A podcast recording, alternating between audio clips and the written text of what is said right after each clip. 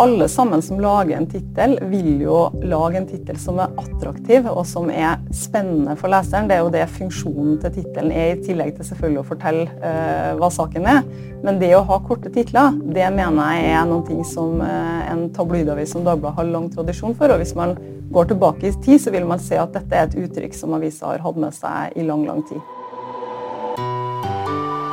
It's a disgrace Dominere mediebildet. A failing media. Pile of garbage. Pause. False and fake, fake, fake, fake, fake, fake.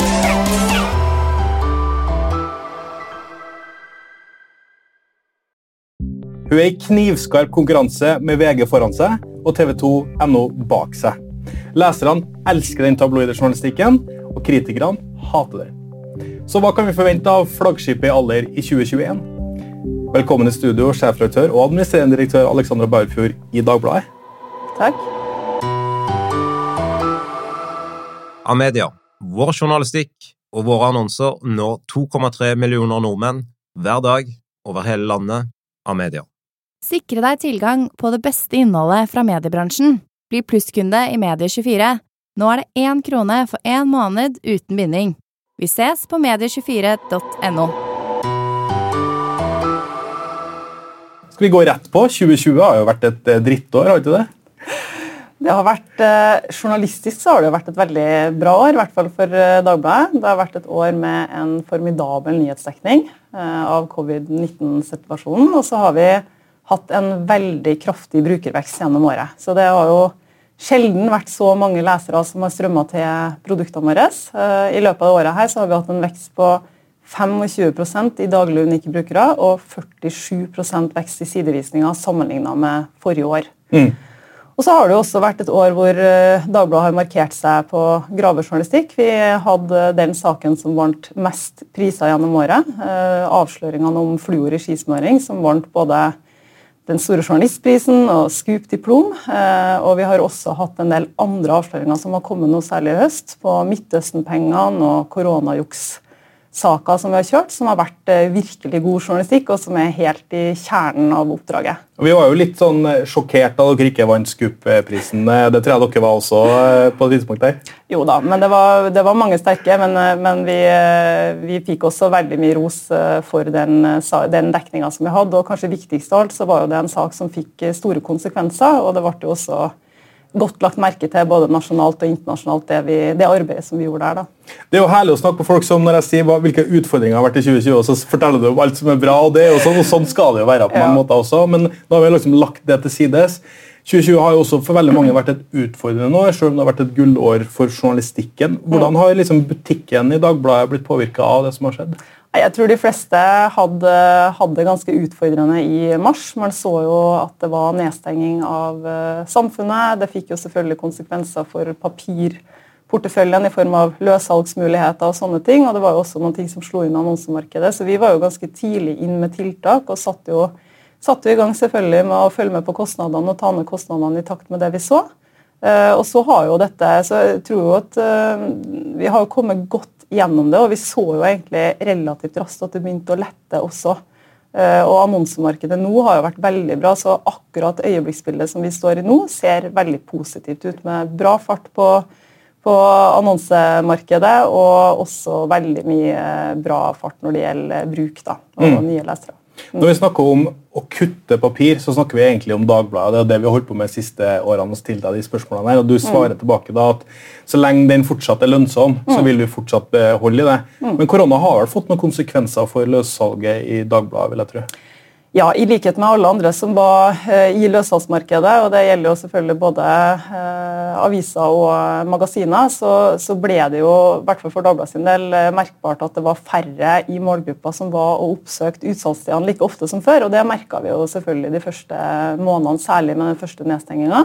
Men så så vi også at dette tok seg opp da tiltakene begynte å lette, sånn at vi fikk bedre avissalg igjen. Men dette er jo et område som går eh, bratt nedover, og har gått bratt nedover i veldig, veldig mange år. Og For oss så er det jo en kontinuerlig oppgave å effektivisere rundt papirproduktet, samtidig som at vi bygger opp på det digitale. Så Vi står jo i en sånn gass- og brems-situasjon konstant. Og Når det gjelder papiraviser framover, så er det sånn som du vet, at eh, så lenge vi klarer å finne lønnsomhet i det produktet, og det er nok interesse blant kjøperne for å ha det produktet, så kommer vi til å fortsette å ha en papiravis i dag. Men hva sier estimatene nå? Når dør papiret? Det eh, skal ikke jeg si noe om, for det er jo en kontinuerlig vurdering. Men enn så lenge så har vi fortsatt papiravis. Ja, ok. Det er fortsatt mye inntekter der også.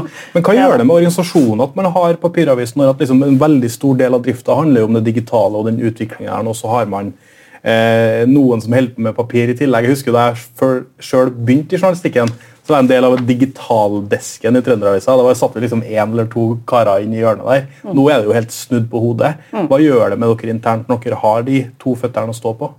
Jeg tror akkurat Når det gjelder det, så er Dagbladet relativt godt posisjonert. For det er en så moden diskusjon. Eh, Dagbladet var jo først ute med nasjonal nettavis i 1995 og har jo i mange mange år hatt en digital først-strategi for virksomheten. Så det å, å, fokusere på det digitale og på vekstområder innenfor det digitale har jo vært en del av driften i lang lang tid. Eh, og så er det selvfølgelig sånn at, eh, at eh, papirproduktet har jo vært med oss, men vi har jo også vært tydelige på at det har en begrensa levetid. og Man har også tidligere fra Dagbladet gått ut og sagt at dette er et produkt som skulle vært lagt ned på et eller annet tidspunkt, og så har man klart å forlenge dette gjennom effektivisering og gjennom at vi har jobba på en smartere måte kontinuerlig. Da. Er du lei av å snakke om papiravis død, eller? Nei, jeg tenker at uh, For oss så er jo vi uh, glad så lenge vi har den med oss. Uh, tenker at det er bra så lenge det er interesse for det produktet. Det er en del av oss, det også. Men fokuset i redaksjonen er jo primært og Majoriteten jobber jo først og fremst mot det digitale. Mm. Og der har det jo skjedd utrolig mye på inntektssida. Sånn du skal jo ikke så langt tilbake før hele inntektsmodellen, forretningsmodellen mot, mot det digitale. Den handla om displayannonser. Det var et sårbart uh, ståsted. Uh, vi var sårbar på den digitale sida, veldig sårbar for finanskrise og andre, andre, situasjoner. Men nå har vi jo et helt annet mulighetsrom alle sammen. Vi har fått opp brukerbetaling. Vi ser at vi klarer å få nye inntekter gjennom bl.a. web-TV, som har blitt stadig større. sånn at det er jo en helt annen optimisme opplever jeg nå, ikke bare i Dagbladet, men også i hele bransjen, rundt at vi ser at dette kan bli bærekraftige forretningsmodeller med kun digitale uh, løsninger, og ikke papir i framtida. Mm. Mm. Korona har jo ført uh, store konsekvenser med seg. Uh, det som veldig mange ledere har gjort, er å holde på med kriseledelse egentlig gjennom hele 2020. Mm. Hvordan har det vært for deg som, som sjefredaktør i, i Dagbladet å utøve ledelse i en sånn type utfordrende tid? Nei, Det er ingen tvil om at det har vært en utfordring. Eh, og Spesielt i den første fasen, som var prega av mye usikkerhet. og Det var jo på flere plan. Én ting var jo, ting var jo medarbeiderne. Eh, smitterisiko, tiltak, hva man, hva man visste om covid-19 i, tidlig fase. Hvordan man skulle klare å håndtere det rent praktiske med å ha mange medarbeidere på hjemmekontor og klare å drifte en avis på den måten. Eh, og så var det selvfølgelig inntektsbildet. Hva kan vi forvente oss av det her? Hva slags konsekvenser får det for framtidig drift? Så jeg skal ikke legge skjul på at det har nok vært eh, for de fleste medielederne et ganske utfordrende år, og det har det jo vært for oss også på den sida. Men samtidig så vil jeg jo si at det har jo gått bedre enn det vi så for oss, eller i hvert fall frykta da vi så dette rulla inn i mars-april. Og at vi så, så denne eh, hva si, stabiliseringa og bedringa gjennom sommeren, og den farta som vi nå ser, som også er veldig gledelig. da. Du gikk jo fra rollen som nyhetsdirektør i NRK over tilbake hjemme i Adler, eh, hjemme, ja. til, hjemme til Dagbladet. Mm. Eh, hadde du jobba i NRK, så hadde du kanskje ikke vært så opptatt av har vi bærekraft nok til å stå i dette. på en måte? Tjener vi penger? Må vi permittere osv.? Mm. Hvordan har det vært annerledes for deg å, å nå jobbe også med det kommersielle kan du si da, i den rollen som du nå har? da? Mm. Nei, Det er jo en annen rolle og det er et annet oppdrag også. Eh, NRK har jo et mye mer eh, mangefasettert oppdrag. De skal jo eh, oppfylle mange forskjellige oppdrag ut mot publikum, mens, mens Dagbladet har en mye mer definert rolle som nyhetsformidler med nyheter, sport og underholdning som hoveddrivere, og selvfølgelig en del nisje- og andre områder også.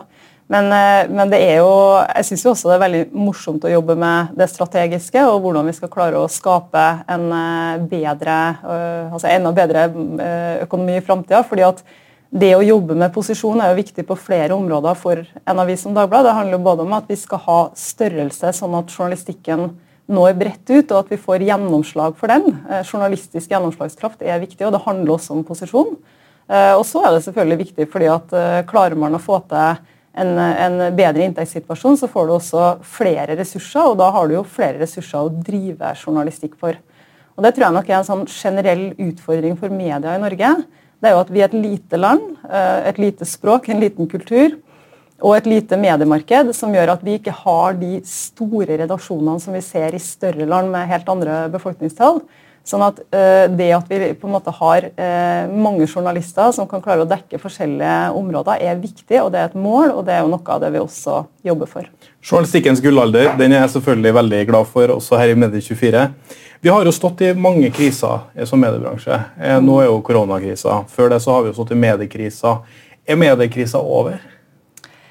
Nei, altså øh, Hele medieområdet står jo egentlig i en konstant transformasjon og har jo gjort det siden 1995. Øh, eh, og den, den, vil jo heller ikke stoppe opp, den vil jo bare forsterke seg i tida framover. Det er jo noen ting vi vet. så syns jeg nok at mediebransjen sammenlignet med veldig mange andre bransjer har vist veldig stor omstillingsevne. Jeg er utrolig imponert over hvordan journalister har klart å gå fra at man publiserte en gang i døgnet og hadde denne papiravisa og mørkerom og det man sto der, til å drive en 24-7-operasjon, som er det de fleste jobber med i dag.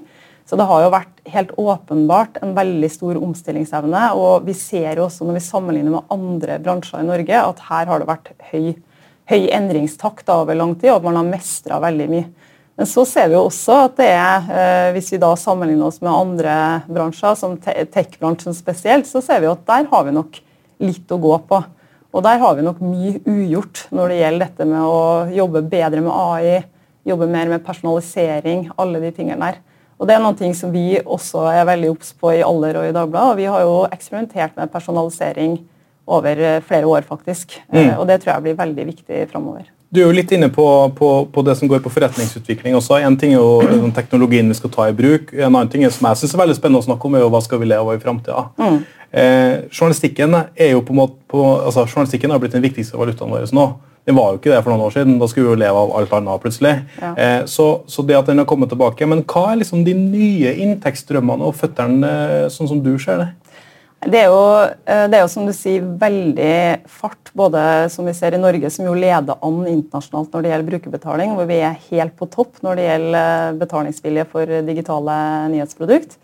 Men, men, så, så, det blir jo et kjempeviktig bein for de fleste. Eh, men det er jo også mye igjen på altså Fortsatt så er det jo sånn at den digitale annonseinntektssida er veldig, veldig viktig for Dagbladet, og størst for Dagbladet. Eh, og der, jo, eh, der, er jo konkurransen tøff, selvfølgelig. Vi konkurrerer jo både med eh, nasjonale aktører og også med internasjonale aktører. Men det er jo fortsatt et stort område og vil være det framover. Men det kan jo være at vi bruker den distribusjonen som vi har på litt andre ting enn de klassiske annonsene i framtida. Hva betyr det? Nei, Det kan jo være at du bruker distribusjonskrafta til å selge andre ting enn bare vanlige annonser, som jo er det som er hovedmodellen for de fleste i dag.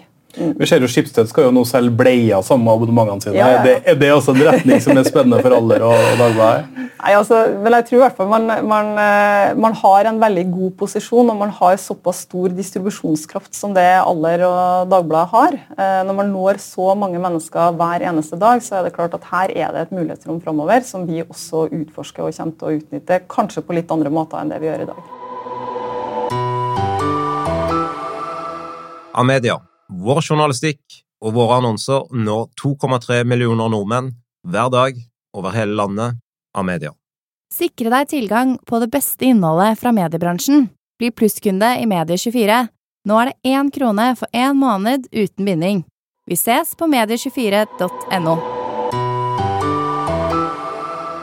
En ting som jeg har sett med, med Dagbladet de siste årene, er en særlig fokus på nisje. Altså mm. Man nisjifiserer i mye større grad. Man er plutselig opptatt av eh, å hjelpe deg før du går til legen. altså Man, man eh, lager elbil-nettsider, altså, sånne type ting. Mm. Kan du fortelle litt om strategien rundt det der? Mm. Nei, hvis man går eh, en del år tilbake i tid, så var jo altså Før internett så kan jo nesten si at papiravisa var jo på mange måter folks internett. ikke sant? Det var jo både et sted hvor man fikk nyheter, man eh, leste anmeldelser, man visste hva man skulle se på kino, på teater, på TV. Eh, man hadde kulturanmeldelser som fortalte masse, man hadde samlivsspalter, man hadde møteplasser for å finne partnere. altså det var, det var jo et veldig mangfold i de gamle papiravisene før internett kom. og på mange måter så, så vi også at det var mange andre aktører som begynte å overta en del av de funksjonene som avisene tradisjonelt hadde hatt. Og så hadde man en periode hvor, hvor nettavisene jobba kanskje mer fokusert inn mot, uh, mot, det harde journalistiske oppdraget med å formidle nyheter og andre ting. Men, men i senere tid så, og Det har jo for så vidt vært forsøk og tilløp til det tidligere også, men, men, det er klart at det er jo et mål å også klare å bli mer enn bare en distributør av, av oppdatering og nyheter og underholdning. Man skal jo også kunne tilby andre ting til brukerne. Og, og, sånn sett er jo det helt i tråd med den funksjonen vi som tradisjonelle medier alltid har hatt. Da. For deg som ikke følger med eh, liksom, veldig tett, hvilke nisjer er dere inne i nå? Nei, vi har jo, eh, I Dagbladet så har jo vi Norges eh, største og beste forbrukernettsted, som heter Din Side. Eh, vi har jo også Lommelegen, som er en helsetjeneste. Eh, vi har Børsen, som er en ren næringslivsavis, og som skriver om eh, finansnyheter. Og så har vi jo også innenfor, Det ser vi jo innenfor Dagbladet Pluss, som er betaltjenesten vår, så er det jo veldig mye fokus på, på nisjejournalistikk. fordi at Der ser vi at det er en særlig høy betalingsvilje for det. De er jo også interessert i nyhetssaker og, og det vi har i det løpende nyhetsbildet, å få eksklusiv journalistikk knytta til det. Men, men, det som går på den hjelpen i hverdagen, og som man i gamle dager kalt news for use, det ser vi også er veldig viktig innenfor betaljournalistikken. Hva gjør dere fremover? da? Kommer det enda flere nisjer? eller hvordan blir det? Ja, Det er absolutt noen ting som vi kontinuerlig ser på. Vi ønsker å utvide tilbudet. og I løpet av siste, siste årene så har vi gjort veldig mye med porteføljen. Én ting er jo børsen som er starta opp, selvfølgelig, som har vært et nytt uh, nettsted. Vi har starta podkast. Vi vi prøver hele tida med nye ting. og Det tror jeg er kjempeviktig i den tida vi går inn i nå. Du tok jo over etter en sjef som sa at podkast det skal vi aldri ha i Dagbladet. og så kom du inn og så, Men kan det bli et forretningsområde for Dagbladet, eller er det en del av liksom miksen og pakken i den journalistikken man ønsker å pakkettere til folk? Jeg tror vi alle ser av analysene at bruken av podkast er veldig økende. Den er særlig økende blant unge, og den kommer jo til å utfordre det tradisjonelle radiomarkedet på samme måte som strømming har utfordra det lineære TV-markedet. Så det er helt åpenbart at dette er et område som det i framtida kommer til å bli eh, stort, og som det kommer til å være fart i, og etter hvert også kommer til å bli kommersielt interessant. Men der vi er nå, så er dette markedet ganske prematurt, og vi ser at det ikke er så mange aktører som klarer å finne lønnsomhet i det i tidlig fase. Så der hadde Jon Arne Markussen helt rett, at i det korte løpet så er det ikke et fryktelig eh, Så er det ikke eh, veldig stort inntektspotensial i området, men på sikt så tror jeg vi alle ser at dette, dette kommer det til å bli uh, mer av. Mm. Mm. Lyd er en ting, bilde er noe annet. Jeg tenkte mm. vi skulle bytte tema og snakke om den mest omtalte fotojournalistikken som har kommet i år, og det er Dagbladet som har stått for, den såkalte Zoom-saken som vi mm. kjenner igjen fra Grünerløkka i Oslo. Mm. PFU ga dere kritikk. Eh, og uttalte at Dagbladet sitat, burde ha vi utvist større aktsomhet for å forhindre at bildebrukeren kunne gi et misvisende uttrykk. Mm. Hva tenker du om den saken nå? Nei, vi, det, det, som er bra med PFU sin uttalelse, det er jo ikke en, uh, det er jo en kritikk, som du sier, uh, som de har gitt på den saken der. Men, men det, dette er jo en måte å filme på som har vært brukt uh, tradisjonelt i media. At man har muligheten til å gjøre det. Og de uttaler jo også at det er andre opplysninger i saken som, som korrigerer bildet. Men vi må jo selvfølgelig ta, ta, dette til oss. Eh, at, eh, at, de mener at vi skal være tydeligere på, på, eh, opplysningene rundt dette. Er det et mål at man ikke skal drive misvisende inntrykk? Det er selvfølgelig et mål, og det tror jeg er, det er ekstremt viktig at vi i pressen er bevisst på det. Og i Dagbladet så er det sånn at vi jobber jo veldig aktivt med det etiske og har mye intern kursing rundt det. Vi følger jo selvfølgelig Vær varsom-plakaten og redaktørplakaten og selvsagt lovverket, men vi har jo også en egen kvalitetspolicy eh, som gir oss retningslinjer på hvordan vi skal jobbe. Hva betyr det? Og, nei, altså det er jo at vi, Hvordan tolker vi Vær varsom-plakaten, hvordan skal vi opptre og den type ting. Og det Eh, det som er viktig med det, er at når vi ser eh, hva er det som kan utløse generell tillitskrise hos, eh, blant brukerne til media, så er det ofte når vi ser internasjonalt og historisk, så er det to ting man skal være obs på der. og det ene jo det ene er jo det som går på politisk polarisering, som vi så under brexit, og vi så det selvfølgelig under Donald Trump i, i USA, hvor du fikk en, en, et ras i tillit eh, til media blant befolkninga. Og det andre er jo når mediene eh, gjør eh, etiske overtramp eller etiske feil som får store konsekvenser, og som folk oppfatter som fake news, eller som de reagerer sterkt på. Og Det har vi jo også i Norge hatt, uh, hatt, saker på. I løpet av de siste årene så har vi jo hatt uh, saker fra NRK, fra DN og fra VG som har fått stor oppmerksomhet. Bl.a. den romkvinnesaken, plagiatsaken og Barbulkan-saken. Og På sistnevnte sak så skrev jo også Medie24 husker jeg, om, om, forskere som mente at dette påvirka faktisk tilliten til hele norsk media. Eh, det Enda kraftigere har vi sett tidligere i hackingskandalen til News of the World i England. sånn at det skal man være veldig obs på. og uh, Man kan jo selvfølgelig aldri helgardere seg som publikasjon for at man uh, kan havne i situasjoner hvor man uh, publiserer noe feil eller gjør, gjør, gjør feil, da, for å si det sånn. Men, men, det er veldig viktig at man har en høy bevissthet rundt det. Og For Dagbladet sin del så har vi de siste årene vært blant de publikasjonene i Norge med færrest fellelser i PFU, så dette er et, dette er et viktig område for oss. Samtidig så blir dere veldig hardt kritisert i ordskiftet også. For dere kommer jo fra en tabloid kultur. Mm. Dette ligger jo i DNA-et i aller. Se og Hør inn der, Dagbladet inn der, stor satsing på kjendis. Mm. Og så har dere endra strategi på fronten. Du sier at dere har fått nesten 50% sidevisningsøkning på, på ett år. var Det mm. Eh, det sier jo noe om at man har endra strategien. Nå ser vi ettordsoverskrifter, du ser ting og så kommer kritikken om at man er misvisende, at dette viser ikke hele bildet. Hva sier du til det? Mm. Nei, bare for å ta det med tradisjonen. Nå er jo Dagbladet en avis som har eh, eksistert siden 1869. og Utover 30-tallet så begynte jo eh, Dagbladet å jobbe mer og mer i populærjournalistisk retning, vil jeg jo si. Og så har man jo utvikla videre utover 50- og 60-tallet. Og VG kopierte jo i stor grad den eh, modellen på 50- og 60-tallet. På 80-tallet så hadde jo også en veldig 80- og starten av 90-tallet så hadde jo også en, en, videreutvikling av den journalistikken hvor det var ganske vanlig at man hadde ett ord på førstesida eller ett til to ord på titlene. Så det er jo på en måte det tabloide uttrykket. og det, det å jobbe med populærjournalistikk det handler jo i stor grad om å gjøre innholdet spennende, om å klare å nå bredt ut til mange brukere, til å klare å også på sitt beste tette igjen på det som er informasjonsgapet i samfunnet. For dette er produkter som brukes av alle, og ikke bare av av visse segmenter i samfunnet. Så Det er også en funksjon som tabloidavisene har. Men Kan det bli litt for mye av det gode noen ganger? Altså, som det står koronavekst, og så handler det jo egentlig ikke om korona. Altså, det er sånne type ting. Er det litt sånn, er det så mye gass på desken nå at det, det er ingen som sitter på bremsen? på en måte, eller? Ja, men som, som, sagt så er jo ikke det å ha korte titler det har jo vært et særpreg også den gangen vi drev med bare papiraviser. Det, jo, men skal jo være riktig, av, det som står er. Ja. Det skal det alltid være, og det er det jo. Eh, og det som er, det som er viktig for oss, er jo at vi vi ønsker å lage et produkt som er eh, spennende for folk, som gir dem oppdatering og opplysning, men også som er underholdende. Og eh, det at vi har friske farger og at vi har eh, breaking news-effekter, det ser vi jo har en positiv effekt på bruken. Og så er det jo viktig å si at Når vi, når vi da ser at vi fra, Hvis vi går tilbake til 2018, da, så hadde vi 600 000-700 000. Sommeren 2018 så hadde vi 600 000-700 000 daglige unike brukere på mobilen. Nå i november så har vi 1,4 millioner unike daglige brukere. Så det er jo ingen tvil om at det vi har gjort på produktsida, det har jo fått veldig mange flere eh, til å strømme til Dagbladet og til å bruke Dagbladet mye hyppigere. Og så er det jo sånn at Vi måler jo heller ikke bare selvfølgelig, ikke bare sidevisninger. Vi ser jo også på i hvor stor grad kommer de tilbake på sida, i hvor stor grad klikker de på andre saker, hvor lenge er de inne i en sak, hvor lang tid bruker de på saken. For Hvis det er en tittel som ikke, hvis artikkelen ikke svarer til forventninger, så vil de jo heller ikke lese saken.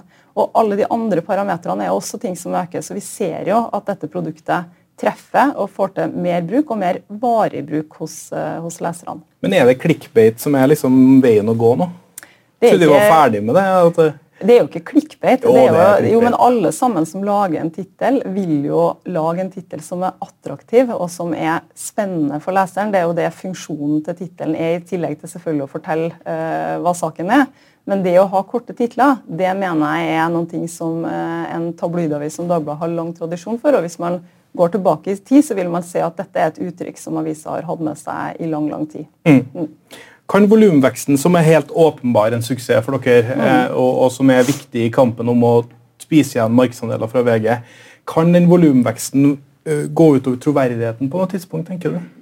Altså Igjen tilbake til det med hva som er veldig viktig å huske på. så er jo det at det du skal skrive, altså det du skal formidle, det må være sant. Og man skal ikke havne i situasjoner hvor man driver med journalistikk som eh, går over grensa, eller som er, uh, oppfattes som fake news, som de sakene som jeg nevnte tidligere. Det er da vi virkelig får uh, problemer med troverdigheten. Og det er noe som vi jobber kontinuerlig og veldig bevisst med at man har litt spreke farger, og at man er mer spennende i hvordan man tilrettelegger stoffet, det ser vi er veldig positivt for bruken. Eh, men, eh, men, det å passe på etikken det er viktig for alle, enten man er en tabloidavis, eller en morgenavis eller en TV-kanal. Vi skal jo inn i et 2021, mm. og, og, målet er deres er helt åpenbart. Spis dere inn på VG sine markedsandeler, se TV2 NO i bakspeilet, sørge for den utviklinga der. Hva skal dere gjøre annerledes i 2021 for å fortsatt ta disse markedsandelene? Det, det, er flere ting. Eh, det handler om kontinuerlig forbedring på innhold. Eh, vi har jo hatt en strategi som har vært veldig fokusert på breaking news, som har handla om stadig mer web-TV inn i dekninga. Jeg tror at det å skulle være best på breaking news uten å ha web-TV, det er veldig veldig vanskelig i 2021. Fordi Du vil ikke bare lese om det som skjer, du vil være der til stede, og du vil at media også skal være øynene dine ut. Så det har vært en, eh, en, veldig viktig del av strategien vår. Så, så, det handler jo både om det å forbedre det journalistiske innholdet, selvfølgelig, men så handler det også om det vi var inne på i stad, med, med, tech. At det handler om at vi må gi en bedre brukeropplevelse på siten. Eh, personalisering kommer til å bli stort. Det at vi må utnytte de ulike plassene på forsida sånn at det blir et best mulig produkt for den enkelte bruker det tror jeg er helt, eh, helt, avgjørende for alle som skal drive med digitale medier framover. En ting som er litt artig, det var Mats Andersen, som, eh, som er da direktør for TV i, i Aller. er det vel? Ja. ja. Han eh, sa noe sånt som at Da de bygde opp VGTV-studio, så var det liksom mange mange millioner utfordrende. og sånn. Dagbladet var liksom sånn, nei, vi kjøpte den der, og så var det liksom noen tusenlapper. Det sier kanskje noe om hvordan man bør tenke på tekst når man skal utvikle og skape web-TV. fordi web-TV har jo vært historisk enormt dyrt å holde på med. Eh, det vet jo du som har jobba i NRK, og, VGTV bygde jo opp dette her og, og brukt hundrevis av millioner på å få det opp. Og så kommer Dagbladet, og så tar de Eh, en del av kaka uten å egentlig investere så veldig mye penger i det. Hvordan Er det liksom måten å gjøre det på hos dere? Men Det er jo kanskje fordelen når du kommer inn eh, helt ny i et område da, og ikke har med den legacyen som ligger i eh, f.eks. et tradisjonelt broadcast-miljø, hvor man kanskje har en forventning om at det må være det og det på plass, og man skal ha de og de funksjonene og de og de kostnadene med. Vi eh, har jo et fortrinn når vi kommer inn i dette og bare starter helt fra scratch og tenker mest mulig enkle løsninger. Og så tenker vi selvfølgelig hva er det, som, hva er det i dette som har størst verdi for brukeren? Det, det, er ikke høykvalitet på TV-bildet som er viktig når du skal først og fremst formidle breaking news og hendelser på en mobil skjerm. Da er det mye viktigere at vi klarer å være raskt ute og klarer å få ting på. Få det på, for faen få det på, for er vi i ferd med å bli ekstremt rask sammenlignet med de andre. Er det litt sånn, uh, Dere sitter med nesten med Excel-dokument og ser hvor mange sekunder var vi foran VG eller bak VG? eller sånn type ting? Vi følger med, ja. det tror jeg på. Kjempebra. Jeg håper i hvert fall at 2021 blir et uh, veldig godt år for, for Dagbladet også. Tusen takk for at du stilte opp, Alexandra Baufjord. Hyggelig å komme. Takk.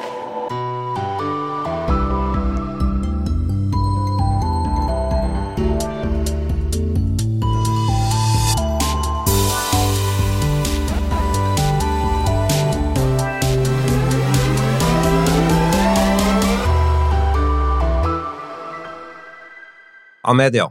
Vår journalistikk og våre annonser når 2,3 millioner nordmenn hver dag over hele landet. av media. Sikre deg tilgang på det beste innholdet fra mediebransjen. Bli plusskunde i Medie24. Nå er det én krone for én måned uten binding. Vi ses på medie24.no.